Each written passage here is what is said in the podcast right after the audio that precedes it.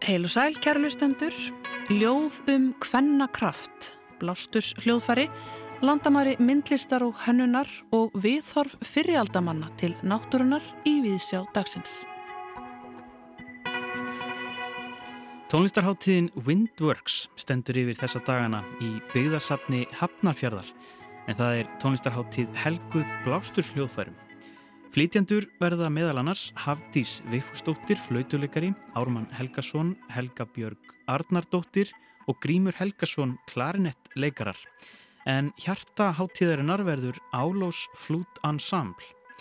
Hér á eftir ræðum við um háttíðina við þær Karen Karolínu Dóttur, flautuleikara og Pamilu Disensi, listrænan stjórnanda Windworks háttíðarinnar. Í ásmundarsal þennja um þessar myndir þrjár listakonur út hugtökjunum myndlist, handverk og hönnun. Það er Guðlaug Míja Eithórsdóttir, Hanna Dís Whitehead og Steinun Önnudóttir kalla samsýningu sína í öðru húsi, kannski vegna þess að heimilið er sá staður þar sem að óreiðu er ofta að finna.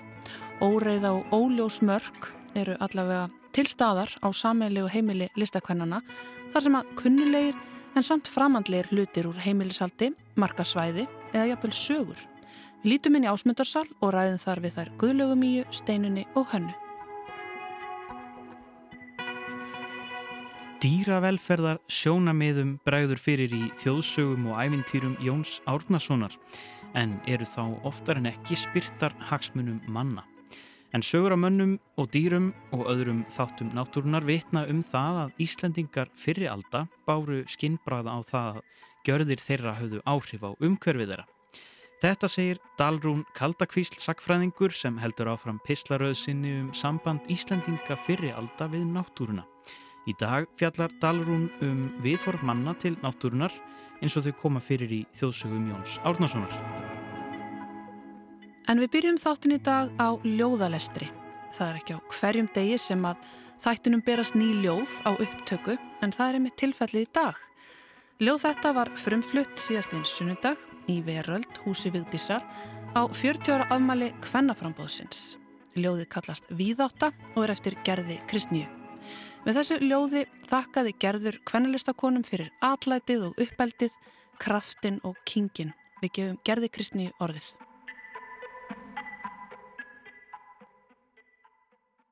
Víðátta Frá hæsta tindi sést hvar jökullin skreið yfir landið. Mótaði gljúfur og gil. Sló sporði í hvað sem fyrir varð og við sem heldum að ekkert inni á þessum eldgömlu klöppum mótuðum í mikla kvelli. Nú blasa ummerkin við. Rákir, ristar í berg, fótfesta allra sem á eftir koma til að sjá með eigin augum að þar sem dalir eru djúpir verða fjöllin há. Gerður Kristní las þarna ljóði sitt Víðátta sem hún flutti á 40 ára afmæli kvennaframbóðsins í Veröld húsi Vigdísar síðastliðin sunnudag. Við þökkum henni kærlega fyrir þessa flottu opnun á þættinum og við sjá heldur áfram. Næst ætlum við að heimsækja síningu þar sem þrjár listakonur skapa annarskonar heimili. Já, um þessar myndir stendur við síning í ásmundarsal sem að kallast í öðru húsi. Þetta er samsýning þeirra guðlögar Míu Eithórsdóttur, Hönnu Dísar Whitehead og Steinunar Önnudóttur. Það sem að er kannamörk, myndlistar, handverks og hönnunar.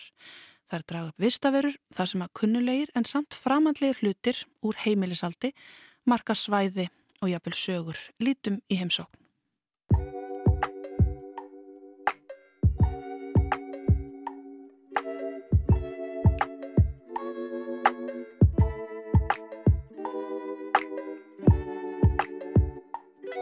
Hafið unni áður saman og af hverju þið þrjár saman hér? Uh, Nei, ég held við hefum aldrei unnið saman þrjár á þennan hátt. En við auðvitað þekktumst allar upp að einhver ákveðinu marki svona á góði kunningar. Já, ég veitir hendur hann ekki neitt. Ah, ég hafði bara hilsað henni svona. Ég, ég ég aðeins í kringum Harbingar hún hefði sínt einn svona þar. Það var, það var öll kynin já. Akkurat. En þessi síning hún verður sérst til fyrir hérna uh, tilstilli steinunar sem við raun og veru bara bjóð til þennan hóp og að auðvitað þá fannst okkur æsispennandi að fara að skoða þessu hluti saman og finnst það enn sko. Þannig að við erum svona, ætlum svona að sjá hvert þetta verkefni leiðir. Það er svo margt ókannað. já, ég sem sagt hérna ég hafði samband við Gullu og Hannu og þá var ég þá var ég í verkefni sjálf í samstagsverkefni við tvo aðra myndlistamenn og hérna það var ekki verkefni sem ég sem sagt, um, komast að en það var verkefni sem við vorum mjög lengi að vinna alveg eitt og halvt ár held ég. Og, og ég fann bara hvað það var ótrúlega gefandi að vera í svona nánu samstarfi og bara gaman að kynnast öðrum sem að maður hérna tengir við í hérna í þeirra nálgun að myndlist eða bara að sköpun um, að kynnast þeim og hérna þeirra þeirra leiðum til að vinna. Og um, og mér langaði bara að kynnast fleirum á þennan hátt Þessi titill í öðru húsi, segi mér hans frá honum. Svona hugmyndin að baki þessari síningu var í raun og veru að skapa uh, senur sem að uh, áhörundur svona myndu upplifa að þau getur fundið annar staðar, þú veist, í nákvæmum öðrum heimilum. Forsenda síningarinnar er í raun og veru heimili og þá vorum við að velta fyrir okkur svona hvað heimilega getur verið uh, og okkur fannst í raun og veru að þessi titill væri svona víður þegar kemur að því að áhörundur geti þá svona skilgreinda fyrir sjálfan sig hva, um hvað hús væri að ræða. Þannig að þann kemur hann. Steinun, getur þú líst því sem fyrir augu ber hérna inni? Um, það sem tekur á móti manni þegar maður kemur upp er uh, litrikir hælaskór sem að spretta upp úr móttu sem er ennþá litrikari. Einnig er hérna likla hengi og fata hengi og þau eru, þau einhvern veginn eru rýma saman en eru samt ákaflega ólík í hlutföllum og, hérna, og efnistökum. um, hérna eru stólar um, sem að hvoruðan er hægt að setjast í og hérna er líka matarborð með það sem eru uppstiltir ávistir og vinglös og tehetta sem að í raun væri ekki hægt að setja út um tekjutil hérna er uh, hlýðarborð og fataskápur með einu herðatré og textil sem hangir þar. Um, hérna líka um, svona petistall eða stöpull í formi rúms og þar er ábreyða og flík sem liggur á rúminu líkt og einhver sé að fara að klæða sig eða, eða hafa farið úr henni við rúmið er motta og hlýðarborð með hérna lampa sem að blæðir svolítið yfir í dúkin sem að hérna þykkur borðið Í bakgrunni er síðan hérna, hengi sem er mögulega eins og vekkfóður eða gardina. Til hlýðar er styrtuhengi, uh, speill, lítil baðmáta og flýsar. Takk fyrir þessa fallegu lýsingu. Ég held að, sko, að hlustendur kannski gerir sér grein fyrir núna. Þetta er eins og að ganga inn í hús eða heimili en uh, þetta er annars konar hús. Hlutinir hérna eru kunnulegir en þeir eru samt algjörlega eitthvað absúrt við það og framandi. Já, akkurat. Og það er í raun og veru svona það sem við erum að vinna með hérna, það er að skoða svona þessi hlutverk og gildi sem við erum að gefa hlutunum. Því að auðvitað, og þú nefndir áðan að þú, þú svona sást fyrir einhverju senur eða sögur hérna inni. Kannski ég vil að þetta sé að kallast á einhvers svona leikmynd. En ekkert hérna er í raun og veru algjörlega funksjónal. Þannig að við erum að leika okkur og við erum þessi síning, hún er í raun og veru að kanna þessi skil milli myndlistar og þá hönnunar því að það er hönnuð með okkur í hópnum hún Hanna og hérna og við erum svona að dansa þessari línu og skoða svona hvert er þetta tegja hvert og eitt viðfóksefni Akkurat. Steinun, hvað er spennandi við þessi mörg, hönnunar og myndlistar? Akkur er það að kanna þessi landamæri? Við eigum það allar, að það allar sammeðilegt að vera svolítið á mörgunum að hérna vita stundum ekki alveg í rauninni er það bara svona meðvitið ákverðin um, að tilhera í öðrum heiminum frekar en hinnum og hérna og maður einhvern veginn velur sér þann ramma en mér finnst samt segja við værum allar þrjára svona mjög svipaðri línu mm. og um, það sem er áhugavert við það er bara þessi skil sem við búum til veist, það hvað hérna uh, hvað hlutverk handverk spilar í, í gerð bæði hannar og myndlistar. Og okkur við búum til svona hérna línur sem að skilja þessu hluti að og það er líka hvernig, um, hvernig þessi hlutir eru til áður fyrr, hvernig hérna ef þú gæst að verið handelsmaður, listamæður og búið til nýttir hluti fyrir heimilið þitt og þú varst ekki að skilgrana kannski neitt per se sem eitt fremur en annað þannig að við erum líka mikið ofta að líta til fortíðar í því sem við gerum og svona hérna og til listamanna sem að hafa verið á þessum mörgum og hérna og líka þegar eh, tilfella sem að fólk hefur svona uh, ofskreitt í kringum sig eða ofskreitt er náttúrulega gildislega að segja að þannig en, en leift sér svona um, sínum myndheimi einhvern veginn að manifesta í umhverfi sínu Þá skulum við reyna að ringja hana hönnu. Já, bjöllum í hönnu. Bjöllum í hönnu. Góðan og blessan daginn. Hæ Hanna, heyrri okkur. Hæ, já ég heyri ykkur. Ok, frábært. Við getum sett á kannski myndina, það er skemmtilega að sjá hana líka, Já. er það ekki? Þetta. Hæ Hanna. Góðan daginn, hæ. Hvaðið til hafna, hafnar í hornafyrði? Gaman að sjá þig, takk fyrir að vera með okkur. Gaman að geta verið með. Okkur fannst eða nöðsilegt að beina einni spurningu til því líka, við erum búin að fjalla um ímislegt hérna um, sem þú náttúrulega hefur ekki hugmynd um hvað er. Nei, En við vorum svona að velta fyrir okkur sko þessu mörgu myndlistar og hönnunar og notagildinu, hvernig þið er að snúa aðeins upp á það hér á þessari sýningu. Þannig að mér langar ekki bara að spyrja þig út í þetta um þennan áhuga þinn á því að já, vika út þetta hugtak og kannski útmá þessi landamæri á milli hönnunar og, og, og myndlistar og svona þetta óræðina svæði. Hvar, af hverju áhuga á því? ég kannski, ég, ég veit ekki alveg hvernig að útskýrta. Ég, til dæmis, ég hef bara sjálf svo rosalega gaman að því að vera í ferli og leifa bara öllu að gerast sem gerist í ferlinu, hvort sem það er þá einhvað með notagildi eða ekki eiginlega. Það er eiginlega þannig sem þetta gerist til dæmis hjá mér. Þannig að það er kannski ekkert sérstaklega praktist svona í vöruhengis samhengi af því að þá þarna er ég kannski ekki að leysa einn vandamál með því eða eitthvað svoleiðis en, en þarna ég er bara svona að leifa ferlina að gerast. sem er kannski eitthvað sem við þekkjum meira úr myndlistinni heldur en hönninni þar sem að hún er svona oftast praktískari og kannski allavega flestum tilfellum stílaðinn á markaðinn. Já, ymmit. Algjörlega.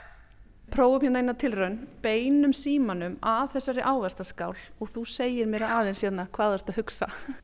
Ég ætlaði bara svona að setja banan á stall. Nei, ég, ég hérna, já, við, við ákvaðum að búa til eitthvað svona eldússenu og hérna, þau vorum að, ég held að ástæðan fyrir kannski hefur gert ávastaskál var svo að hérna, bæði er mjög oft ávastaskál svona í uh, alls konar svona, við vorum mikið búin að skoða svona alls konar katalóga og, og hérna alls konar svona, in, eh, svona gamla svona eh, interior katalóga og svoleiðis, alls konar bækur og þá erum við oft svona veglega ávastaskál á borðum og, og svo var líka svo rosalega dimmt þegar vorum að vinna þetta verkefni þannig að mér langaði að gera eitthvað mjög litríkt held ég, svona til þess að koma á mót við það. Þannig að úr var það ég gerði ávexti og ávextaskál. Þetta er einstaklega fallegt hlaðborð hérna. Hanna, vera, takk fyrir að vera með okkur östutt hérna á línunni. Já, takk fyrir að spjalla um mig. Svo er líka á síningunum myndi ég sé að væri jafnvel svolítið mikil óreiða.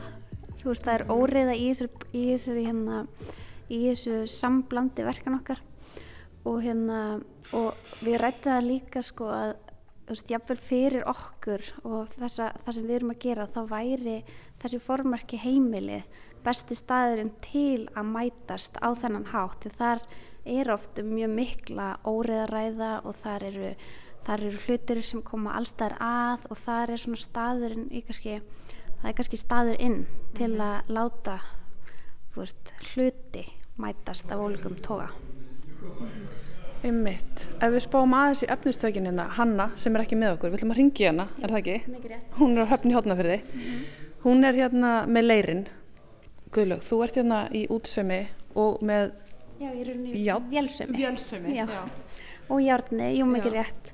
Og í verkunum fyrir þessa síningu þá er ég að kanna svolítið svona hvernig að notagildi og myndlistin mætist og ég, og ég svona sný upp á notagildi eða tek það út þannig að eftir standa þessi svona uh, þessi myndlistaverk sem að minna áhörundan á ákvæmna ákvæmna aðtæfnir eða reyfingar eða tíma mm -hmm.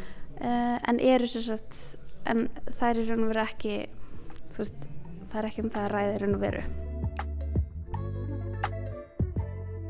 Steinun, viltu segja mér frá þessu tjaldi hérna?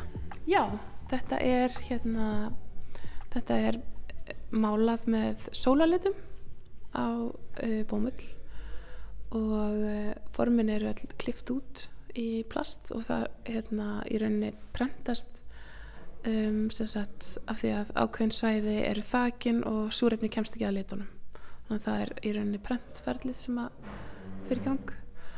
Og uh, svo eru svona svona, svona, svona kvítar svona sprengingar svona doppur og það er salt sem að dregur í sig litin og, og hérna býr til þetta munstur. Þetta er svona ferli sem að þú stýrir ekki fullkomlega.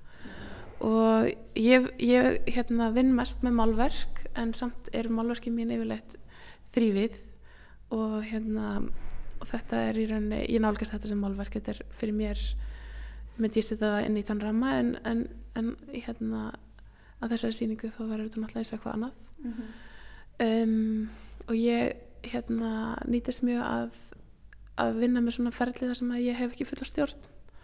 Og, og hérna í rauninni það verður einhver útkoma sem að hérna ég er í rauninni bara svona einhvern veginn kem ferlin á stað og hérna og svo er svona leikilatriði er andrusloft það er að ég er að eldast við um, að búa til andrusloft eða endurskapa eitthvað andrusloft þannig að hérna var sko andurslofti var svona herbergi sem er búið að sofa í sem er kannski svolítið loftlust uh, þyrst að opna glukka svolítið svona þingsli og svona um, og nóttin svona ný ástæðin einhvern veginn. Þannig að hún er einhvern veginn ennþá í rýminu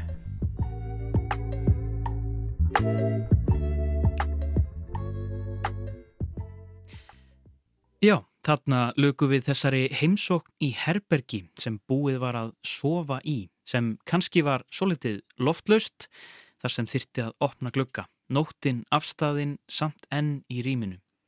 Það var steinun önnudóttir sem sagði þarna frá verki sínu en einnig rætti halla við Guðlegu Míu Eithórsdóttur og hönnu Dís Whitehead sem reyndar var stött á höfni í Hortnafyrði en náði þó að segja frá einu verka sína í gegnum síman. Töfra tækið. Emitt. Og úr myndlistinni förum við á slóðir fortíðar. Dalrún Kaldakvísl sagfræðingur heldur áfram pislaru sinni um samband Íslendinga fyriralda við náttúruna og í þetta sinn fjallar Dalrún um viðþormanna til náttúrunar eins og þau koma fyrir í þjóðsugum Jóns Árnarssonars. Útvarpspistill minn þetta sinnið fjallar um viðþormanna til dýra og náttúru eins og þau byrtast í þjóðsugum og ævintýrum Jóns Árnarssonar. Áhugju minn á afstöðu fyriraldamanna til íslenskrar náttúru var til þess að ég skoðaði byrtingamindir hennar í þeim hluta af sagnarfi ísletinga sem fólkin er í bókunum Íslenskar þjóðsugur og ævintýri. Jón Árnason stóð að söpnun og ritun sagnana en geta má þess að í upphafi var Magnús Grímsson mikilvirkur félagi hans í söpnuninni unsan fjall frá langt fyrir aldur fram. Þessar íslensku sagnir sem fela í sér skáldaðan heim og veruleika geima ógrinni upplýsinga um samband ísletinga við náttúru landsins fyrir á öldum. allt frá grimd manna í garð náttúrunar til náttúru og dýraventunar sjóna meða. Í upphafi þessa pistils er litið til þjóðsagna sem skýra frá sambandi fyrirtíma ísletinga við landið sem þeir byggðu. Ekki þarf að orðlengja það að þjóðsugur vittna um ærið fornan hugsunarhátt mannsins. Að maðurinn sé ekki hluti af náttúrinni heldur standi henni framar. Að maðurinn sé efsti liðurinn í sköpunarfestinni, líkt og Jón Arnason orðaði það. Í þjóðsegunum má þá merkja mjög starka þörfmanna fyrir því að gangast náttúrinni á hönd á einn eða annan máta. Fjöldi sagna sem Jón Árnarsson skráði segja frá mönnum sem hreinlega ganga inn í kletta eða önnur náttúrufyrirbriði þar sem þeirra býða undra heimar álfabigðir. Sögurnar vittna um óþægt bakland mannheima yfir skilvillega heima náttúrunar sem ranna saman við mannheima. Sagnir af mönnum sem hverfa á vit álfabigða í leindarskauti náttúrunar fela í framhaldinu gerðnan í sér útleg þeirra frá heimumanna eða álfa. Svo sem sagan af álfunum í víðuvöllum vittnar um, e, sagan hljómar svo. Í klöppum hjá víðuvöllum sá maður nokkur á jólanóttina stórt hús allt ljósum prít. Hann gekk þar inn og fekk góðar viðtökur og ágætan beina. Morgunin eftir er hann vaknaði, lág hann á berum klettunum og sá hvorki veður niður reik eftir af stóra húsinu. Jón Árnarsson sapnaði fjöldarsagna af vörum landsmanna um samband álfa og náttúru. Álvar voru álitnir vera hluti af náttúrinni, voru sagðir jarðbúar. Álvarnir gáttu lesið í náttúruna, í landslægi og veðrið, engir menn eða vættir voru eins veðurglögg og álvarnir. Sagnirnar sína að álvarnir miðluð fróðleik til manna um náttúruna ef þeim hugnaðist það.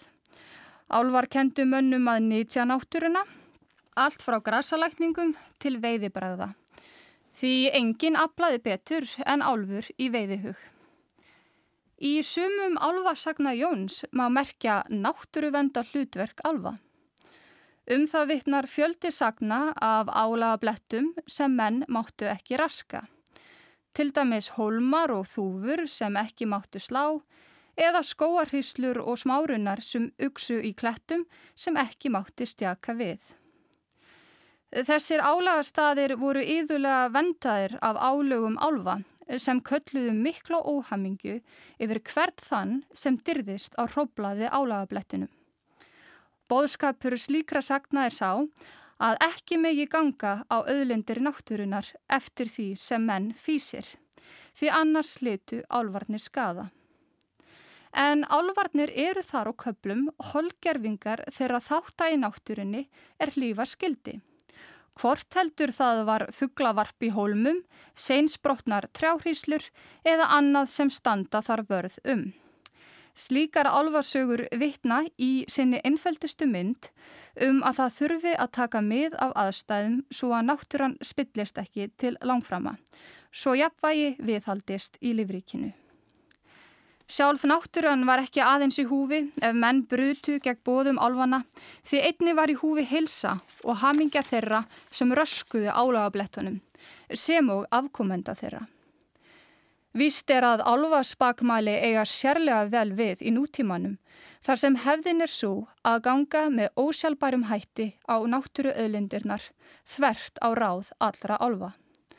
Slíkar aðfarir fyrirgera um leið, lífsmöguleikum, komandi kynnslóða manna og annara dýra.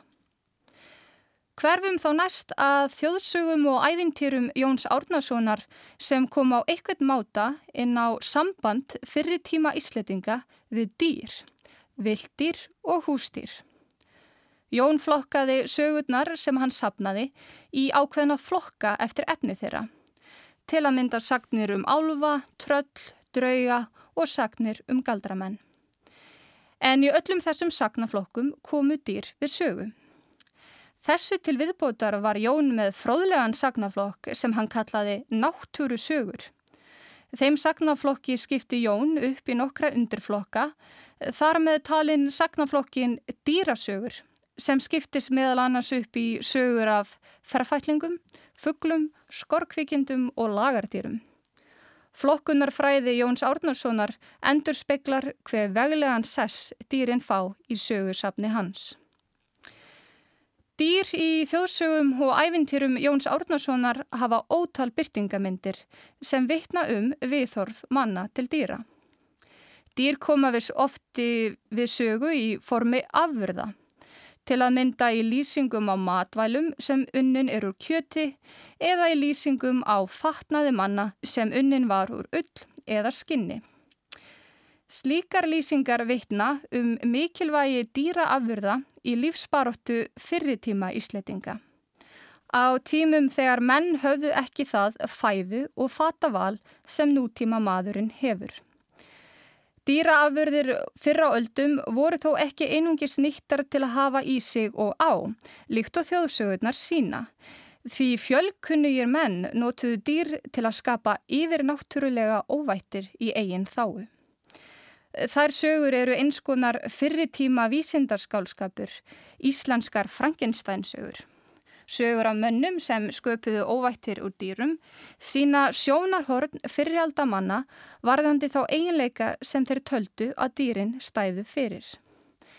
Einsagan segir að fjölkingismönnum sem sköpuðu uppvakning úr leir sem ívar sett dýrshjarta.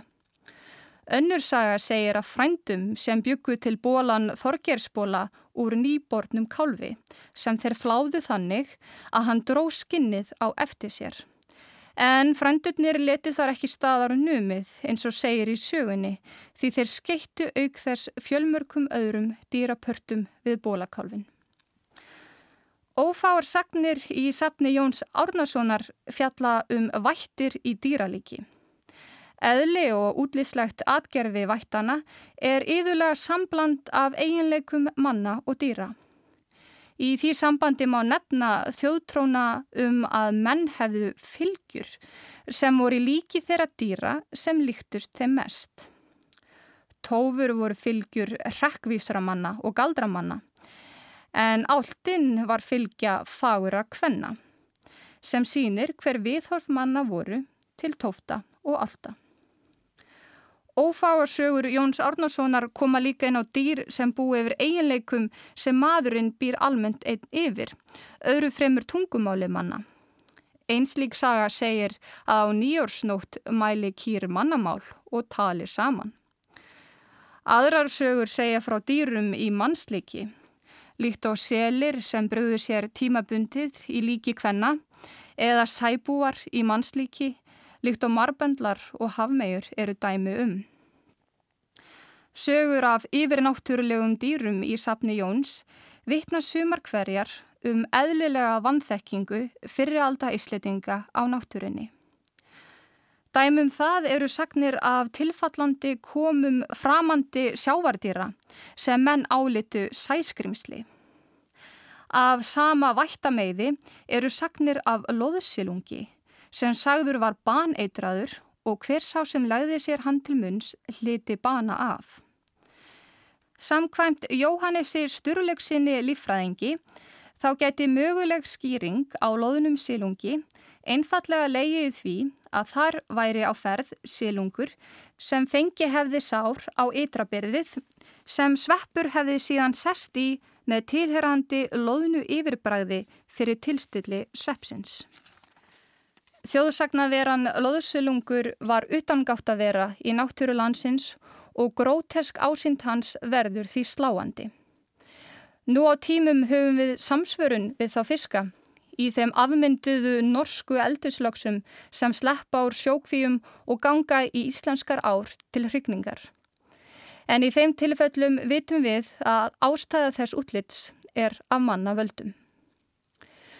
Í sögum Jóns Árnarssonar er að finna fagrar lýsingar á sambandi manna og dýra sem miðla oft þeim mikilvæga bóðskap að mönnunum berað sína dýrum virðingu í kvíverna.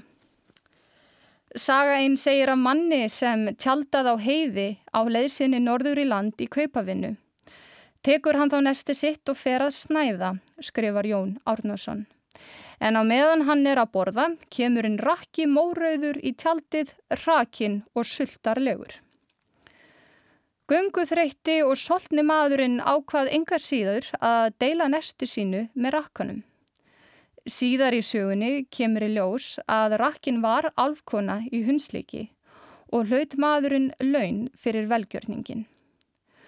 Önnur saga í sapni Jóns Árnarssonar sem vittnar um vinnsemd millum manna og dýra segir af grímsegingi sem hjælt fótgangandi á hafisnum úr eigunni yfir í land.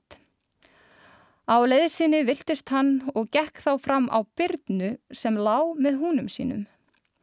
Jón Árnarsson skrifaði svo um fund grímsegingsins og kvítabjörnsins. Hann var orðin kaldur og svangur og kveðnú fyrir lífinu. Þegar bjardýrið sér mannin, horfir það á hann um hríð, síðan stendur það upp, gengur til hans og allt í kringum hann og gefur honum merki að hann skuli leggjast niður í bælið hjá ungunum. Hann görri það með hálfum huga.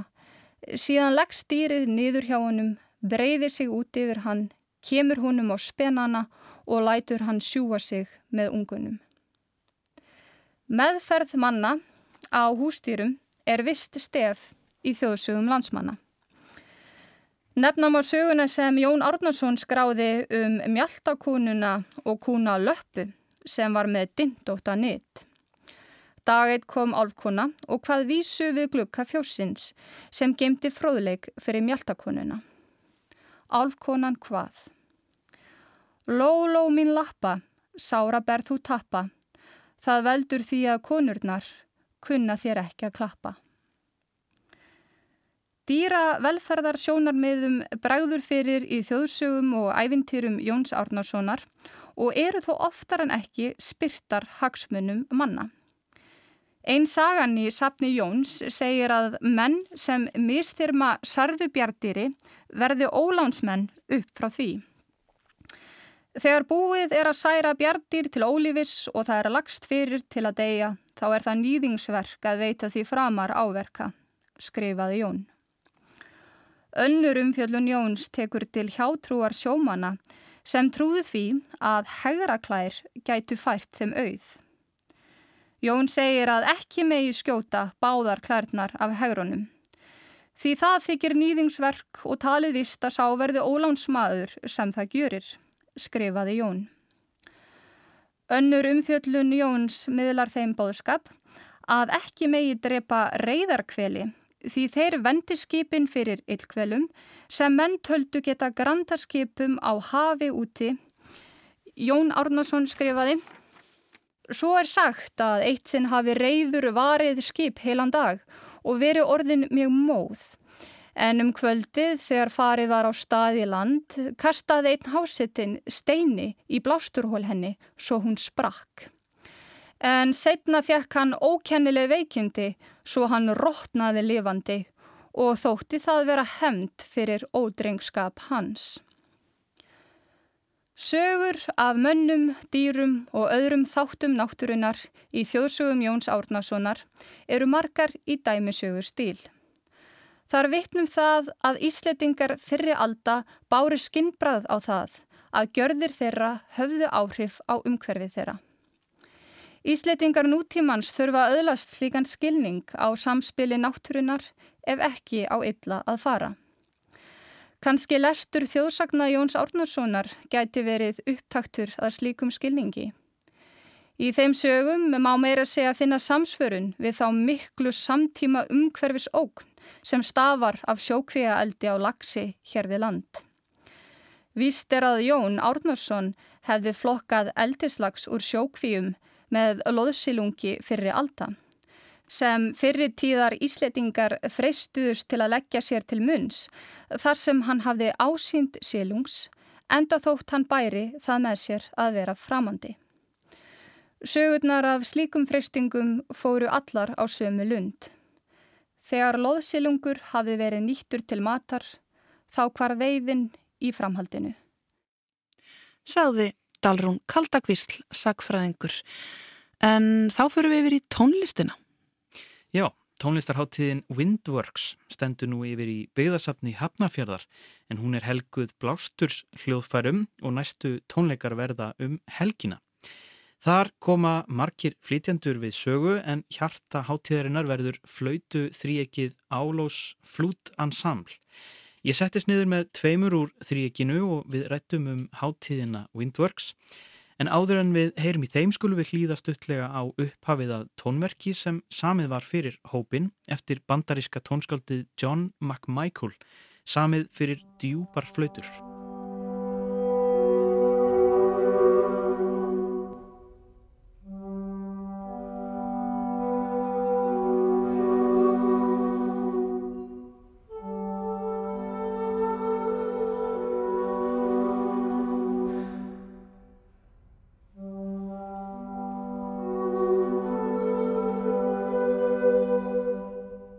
Heiti Pamela Di Sensi og er uh, frá Ítalug og sé með ríkisborgara, íslenska ríkisborgari og er uh, um, listrænstjórnandi uh, Windworks og meðlínum Álus Flutensaml á samt Karin sem er hér Já, með mér. Ég heiti Karin Karlindóttir. Ég er flutilegari og tónlistakennari og er meðlumur Álus Flutensaml. Álós flútansambl, hvað er þið búin að vera lengi í starfandi? Uh, rosalega lengi.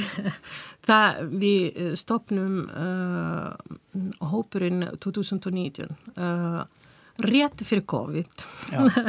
Vel, tímasett. Já, alveg oktober, november í 2019 og þetta var all, alltaf draum, líka annan drauma minn að vera með lítil þessu trí og kvartett flöytahópur sem er hægt að vinna með sérstaklega uh, með loflúts mm -hmm. uh, og mér finnst það bara rosalega gaman að hvað vel tókst að fá uh, aðlíkli út um allt í heiminum frá tónskálda mm -hmm. sem er að semja, alls konar tónskálda sem er að semja og hafa mikið áhuga sem er fyrir okkur, fyrir utan marga tónskálda á Íslandi sem eru enn að semja fyrir okkur. Þannig að er uh, svolítið spennandi uh, uh, samsetning. Við erum að spila frá piccolo til kontrabassaflöita og það er eina kontrabassaflöita í landinu. Það er um að gera að nota já. og já, er svolítið spenni og ég geta sagt að þetta sé einas hópur uh, atvinnu flöytuleikarar sem er með svona samsetning.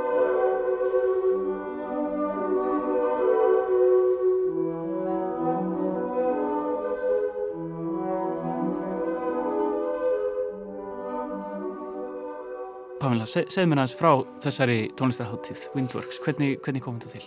Það kom, uh, það er hugmyndi sem var segjum bara í skúfu uh, í síðastu þrjú ár. Um, það vantar, það vantaði allavega fyrir Windworks. Það vantaði hátiði á Íslandi uh, fyrir blásara uh, hljófara mm. um, ég tala um síkildi tónlist uh, blásar og hljófæra sem er uh, svolítið þau sá ekki sínu plás nema í einstaka tónleikar. Þannig að það kom að því það kom alveg tímin sérstaklega eftir segjum bara eftir þú séum þá í gang COVID að aðstóða og ebla já, blásara blásara tónleikar á Íslandi já. þannig að það var bara komin, já komin tíma tímin. langþráður draumur svolítið. Já, já. Uh, því við erum með rosalega mörg og frábæra uh, blásara leikarar sem er fá kannski ekki almenlega plásu því eru mm, þessi kammersveit, strengjasveit og er bara lítið hluti af þeim sem er komast til að spila uh, þannig að það var, já, það var komin tími til að, til að starta þessi, já, þessi hátið. Það er til svo mikið að fallari blásara tónlist sem að heyrist kannski hverki nema þarna, og þarna er akkurat vettvangurinn til þess að flytja fullt af svo fallari tónlist sem við fáum ekki að heyra á Íslandi. Sko. Já, ég ætla einmitt að spyrja út í það. Þetta eru, þetta eru engöngu blástur hljófari. Mm. Segð mér hans frá þessari tónlist sem að verður leikinn á, á Windworks. Um, það sem er í bígerð núna í Hafnarferði Um, þá fáum við að heyra flautu og klarinettu dúo um, ég veit ekki nákvæmlega hvað þau eru að fara að spila. Um, en það er svo margt til sem hefur ekki heyrst. Og það er Hafdís Víkfúrsdóttir og Grímur Helgason. Þau hafa verið að vinna saman lengi. Ja. og ég hlaka mjög mikið að heyra hvað þau hérna spila fyrir okkur. Ja. síðan ætlum við að heyra uh, klarinettu dúó líka. Uh, Ármann Helgason og Helga Björg Arnardóttir þau ætla að spila fyrir okkur. Og ég veit að þau eru með um, alls konar tónlist. Þau eru með hérna klassist og nýtt og það verður mjög spennandi að heyra sko, já, af því að við erum þarna ekki bara að spila nýja tónlist eða bara gamla tónlist, heldur er þetta svolítið svona hljóðfæralegarnir fá að uh, draga upp það sem þá langar sérstaklega að spila. mm.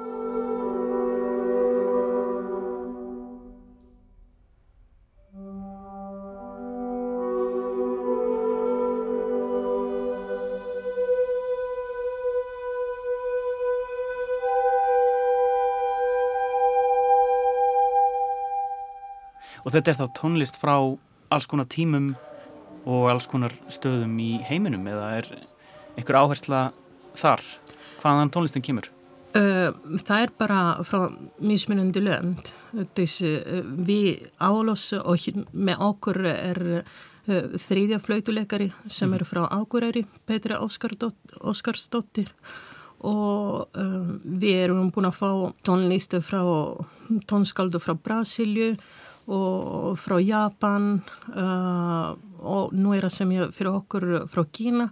Og eitt sem er, uh, það er komin svolítið ofandi og surprise.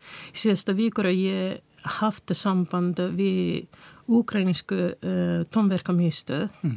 og þeir sendu mér rosalega mikið tónlist á kostnadurlaus og sæði að uh, frekar að styrkja einhvað þessi rauðakrossin í stað heldur að mm. borga mm. þeim tónlist og var alveg, já, magna að fá fulltu tónlistu fyrir um, þessi nútíma tónlistu fyrir uh, þessi um, samsetning, mixu á blástursljófari og, það, ég hafði sambanda við eina flautuleikari sem er líka tónskáld einmitt í morgunni, Karin veit ekki neitt á þessu og ég vildi ekki segja frá. Það kemur alveg óvænt. Mm. og hann er að semja fyrir okkur. Mm. þannig að er, uh, já og hann var rosalega gladur að fá stuðning líka þessu uh, til mm. þeirra. Þannig að já. Já, býtu þannig að það er úgrænsku flautuleikar að skrifa fyrir okkur. Já, sem er wow, Spennandi. Þetta er mjög spennandi. Æðislegt, já, já Þannig að er að skrifa bæði fyrir, fyrir Álos og líka fyrir, ég baði um að senda allt, hann er búin að semja solti fyrir blásar. Þannig að er að senda okkur allt sem er með fyrir dú, trí og kvartett og svona mix fyrir blásar og við erum rosalega spenntir að kíkja hvað hann sendir okkur og vonandi við getum frumflítja verka hans í Reykjavík næsta haust.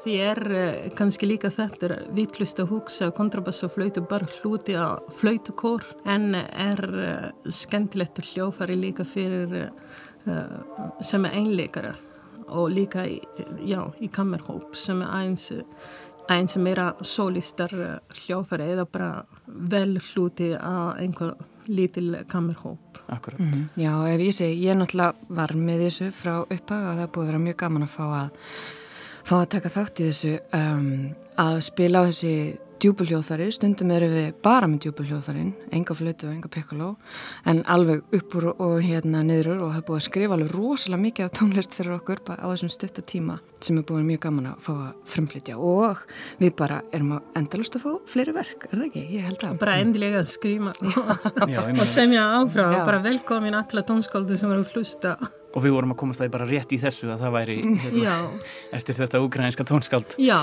já, já.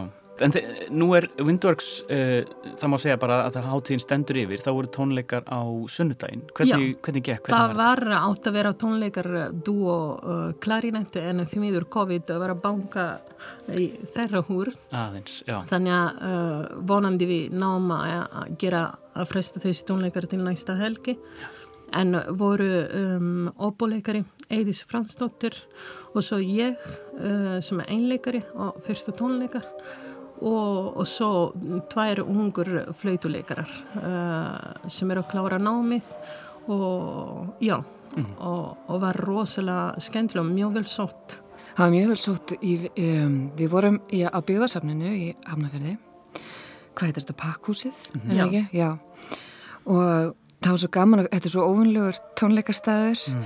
að hérna, vera þarna innan um alla gömlu munina og það myndaðist svona, svona skemmtilega svona nálægð þetta er náttúrulega líka svolítið þröngt þannig að áhörundu voru svolítið nálægt hérna hljóðfærarleikurunum mm. og Já, mjög skemmtilegt andumsloftið og einhvern veginn svona inn í sögunni og svolítið svona öðruvísi heldur en að vera á þessum gömlu tónleikastöðum. Já, já svolítið ég, eins og að spila inn í listasafni. Já, já, en já, já og svona, en samt svolítið svona þrengra. Já. Þannig ég bara hvet alla hafferðinga og alla á höfuborgarsvæðinu að koma í pakkúsið um næstu helgi. Og það verður uh, loka nekkurinn í, í, á þessari háttíð. Já. Hvað, hvað verður um að vera næstu helgi? Það er á laugardaginu verða uh, tvenna tónleikar.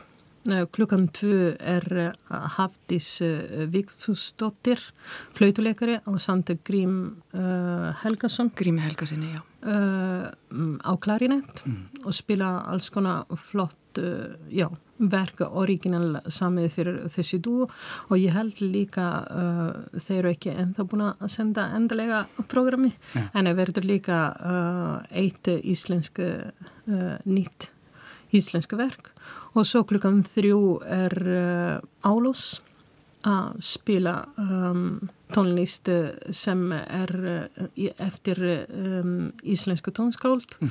og svo á sunnudeginu við erum að klára með um, tónleikar sem heitir Pavan. Uh, og tengast svolítið, uh, við erum að spila á sunnudeginu er eina tónleikar, loka tónleikar sem er spila í, uh, heitir Bungalow og er klukkan tvö og við erum að spila uh, fransku tónskáld og líka frumflitja eitt verk eftir Marcial Nardo sem er flautuleikar hér á Íslandi. Þannig að það er nóg framöndan? Já. Við hvetjum bara fólk, eh, tónleika þyrst fólk til að gera sér ferði hefnafyrðin og gangi ykkur vel á Windworks. Takk fyrir spjallið. Takk, takk.